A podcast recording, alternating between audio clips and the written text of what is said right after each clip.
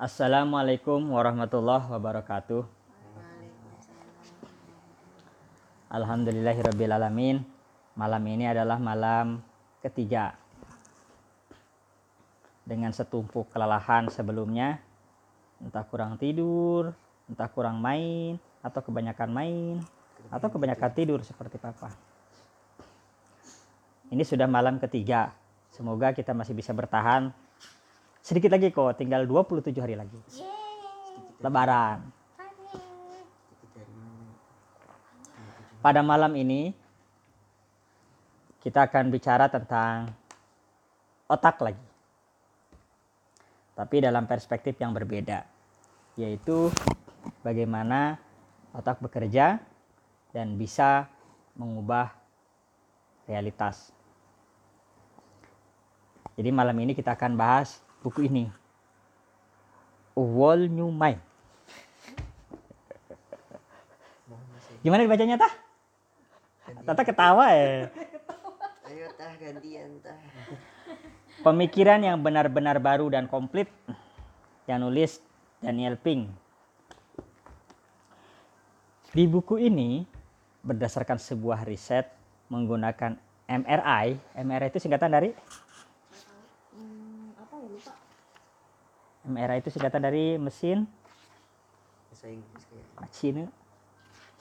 Jadi merekam kepala isi otak.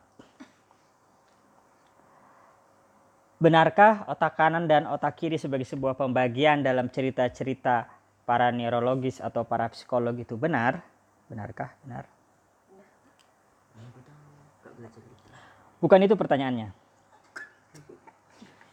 Mama yang nanya. Mama yang nanya. Tidur. Sekarang coba perhatikan. Pernahkah kita bisa melihat sesuatu tanpa menghitungnya? Eh, terlihat saja di kepala kita. Bisa nggak? Ada bisa membayangkan sesuatu? Apa? Saja? Nah, konstruksi lengkap dalam pikiran kita saat membayangkan sesuatu itu adalah separuh jalan dari proses mewujudkan sesuatu tersebut.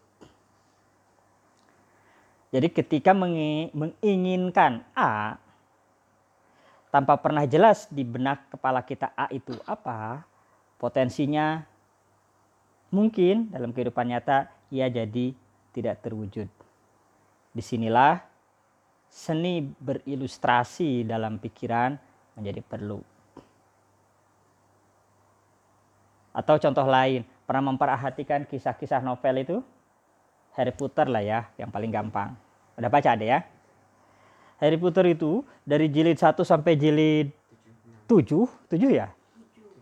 Itu lengkap dari bawah runtuh sampai sampai terakhir. Kenapa bisa begitu? Papa pernah berpikir sangat serius memikirkannya. Kok bisa orang berpikir seperti itu? Ternyata bahkan sebelum ditulis novel itu sudah ketahuan akhirnya seperti apa oleh sang penulisnya. Demikian juga dalam komik-komik, begitu juga di drakor. Minimal sutradara sudah tahu bagaimana endingnya. Makanya disukai. Berbeda dengan drama-drama Indonesia seperti tersanjung sampai tersanjung berapa. Karena si sutradara tidak pernah tahu maunya ke mana. Pokoknya ngikuti aja. Begitu. Nah, di buku ini ada sebuah cerita ketika seseorang ditodong senjata, senjata betulan, itu ekspresi wajahnya ada fotonya banyak detail. Dan setiap ekspresi wajah itu menunjukkan rasa di dalam otak seseorang. Jadi sebuah perilaku berubah dalam diri orang, misalnya Ezra tiba-tiba merengut, jadi kagetin, tetap aja merengut nggak mau kaget. Berarti Ezra sedang sangat-sangat tidak nyaman secara psikologis. Otaknya jangan-jangan ada yang terluka.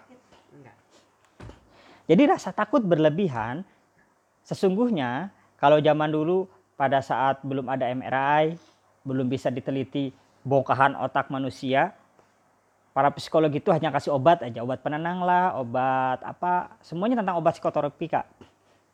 Mereka tidak pernah tahu sebenarnya penyebabnya itu apa. Ada yang menduga akibat salah makan.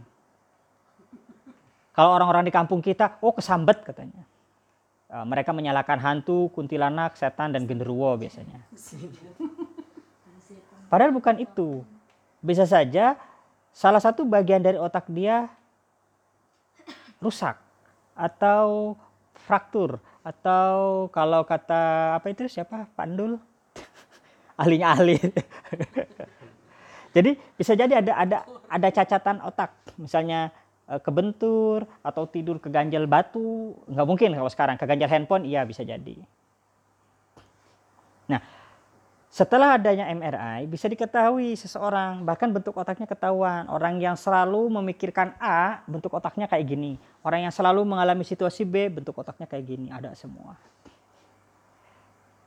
Pertanyaan selanjutnya bisakah mengubah nasib seseorang dengan mengebuh dengan mengubah bentuk otak? Misalnya otak Einstein ternyata bentuknya kayak gini. Ya jadi mau dijadiin Einstein. Otaknya misalnya di dipijet gitu ya. Diubah seperti otak Einstein. Apakah bisa secara teori bisa. Tapi sebagai sebuah praktek itu masih terlarang. Tidak boleh. Karena dia akan merusak alur alamiah pertumbuhan otak manusia. Nah, kembali ke yang tadi, saat seseorang e, merasa gagal terus, hidupnya depresi banget. Setelah dicek, ternyata ada area di bagian apa lobus frontal atau apa gitu istilah-istilahnya ya. Papa tidak baru baca ininya sih ya. Itu akan terlihat ada bekas luka. Misalnya yang harusnya warnanya abu-abu cerah dia kehitam-hitaman. Jadi sekarang bagaimana mengubah unsur kimiawi di otak tadi? Nah, ini sudah sudah ke mana-mana. Jadi eh, bahkan rasa bahagia itu bisa dipicu dengan menyentuh sudut-sudut di otak tidak alami. Dan itu berbahaya. Salah satu contoh bagaimana otak dipengaruhi oleh bahan kimia, orang nyabu, orang merokok, orang melamun, melamun e, dengan obat. Sakau maksudnya ya. Uh, sakau. itu dampak setelah mabok. Ada cara yang membuat otak kita bisa segar, sederhana, yaitu dengan berolahraga. Ini bentuk gerakan olahraganya, salah satu yang paling gampang. Jadi seluruh sendi-sendi di jari-jari kita, di tangan-tangan kita selalu digerakkan. Makanya penari, pelukis, atau penulis itu punya kecenderungan sehat otaknya. Karena ini bergerak. Lalu bagaimana dengan handphone sekarang? ya kalau dulu mesin ketik begini ya. Kalau sekarang pakai handphone gimana? Bisa jadi otaknya rusak sebelah. nah, kecerdasan hari ini menjadi dipertanyakan apakah penting menghafal sesuatu saat sekarang? Penting nggak? Ada hafal rumus penting nggak dek? Buat penting. Hah? Buat. Buat ulangan ya pentingnya ya. Setelah itu lupa semua. Oh, lupa semua. semalam ingat semalam lupa. Oh gitu ya.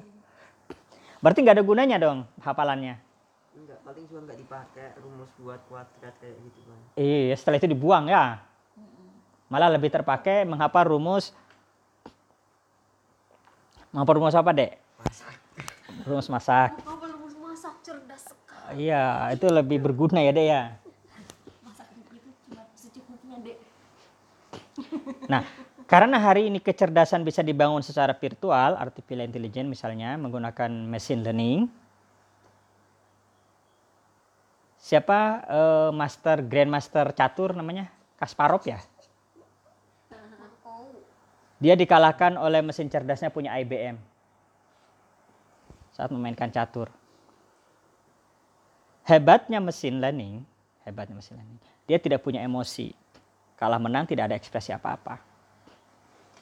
Itu kalau secara ilmu sosial bukan kehebatan, tapi semacam psikopat, psikopat ya, psikopat atau gimana sih tulisannya? psikopat. Psikopat. Eh, Papa P sih?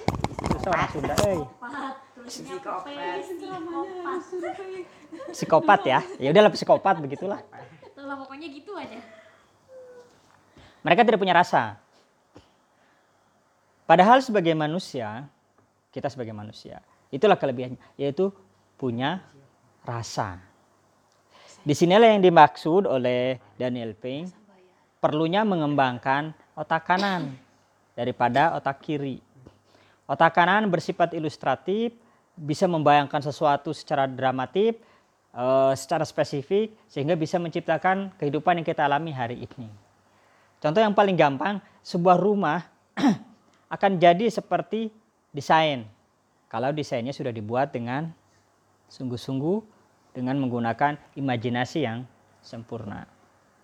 Nah, ngomong soal imajinasi, itulah modal terbesar manusia hari ini. Apa gimana? Imajinasi.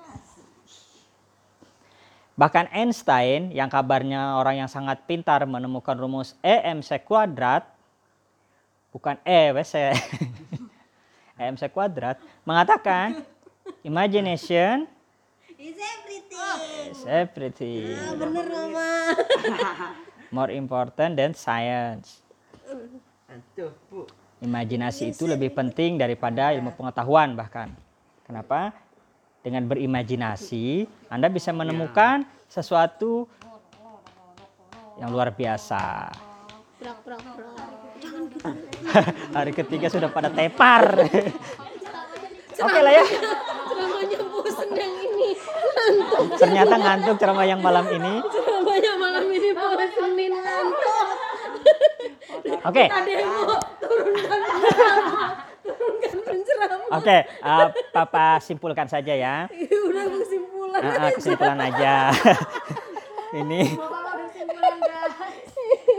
pertama penting kalian punya imajinasi yang tidak terbatas ya. Kembangkan isi otak sebelah kananmu dengan cara membuat gambar bercerita menulis ilustratif belajar membayangkan sesuatu.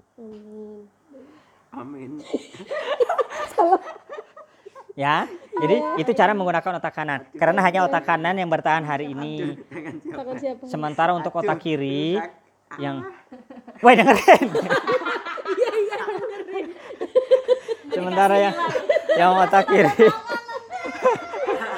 Iya otak kanan. Sama sementara otak kiri yang mekanis hari ini bisa digantikan oleh mesin learning, oleh internet, oleh alat-alat.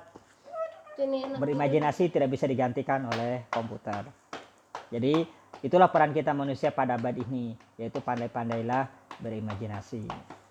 Dengan itulah kita akan bertumbuh lebih baik dari masyarakat mana pun. Karena asal tahu saja sekarang, untuk menulis artikel yang sekedar artikel tulisan biasa, itu tinggal di input kata kuncinya keluar artikel yang kita inginkan. Sadis kan? Iya. Sementara membuat cerpen yang imajinatif, yang sesuai dengan keinginan sang penulis itu hanya bisa dilakukan oleh orang yang punya imajinasi. Jadi, kembangkanlah ima- imajinasi Ade, Tata, Tete, dan Mama. Ya, salah satu cara mengembangkan imajinasi adalah dengan menonton drakor. Demikian untuk malam ketiga ini, semuanya sudah tidak kondusif. Semoga ada manfaat yang bisa diambil. Eh, dari saya Surgana, papanya Ejra, papa Elin, suaminya Neng Haan, kakaknya Teteh. Assalamualaikum warahmatullahi wabarakatuh. Waalaikumsalam warahmatullahi wabarakatuh. Jangan dimakan.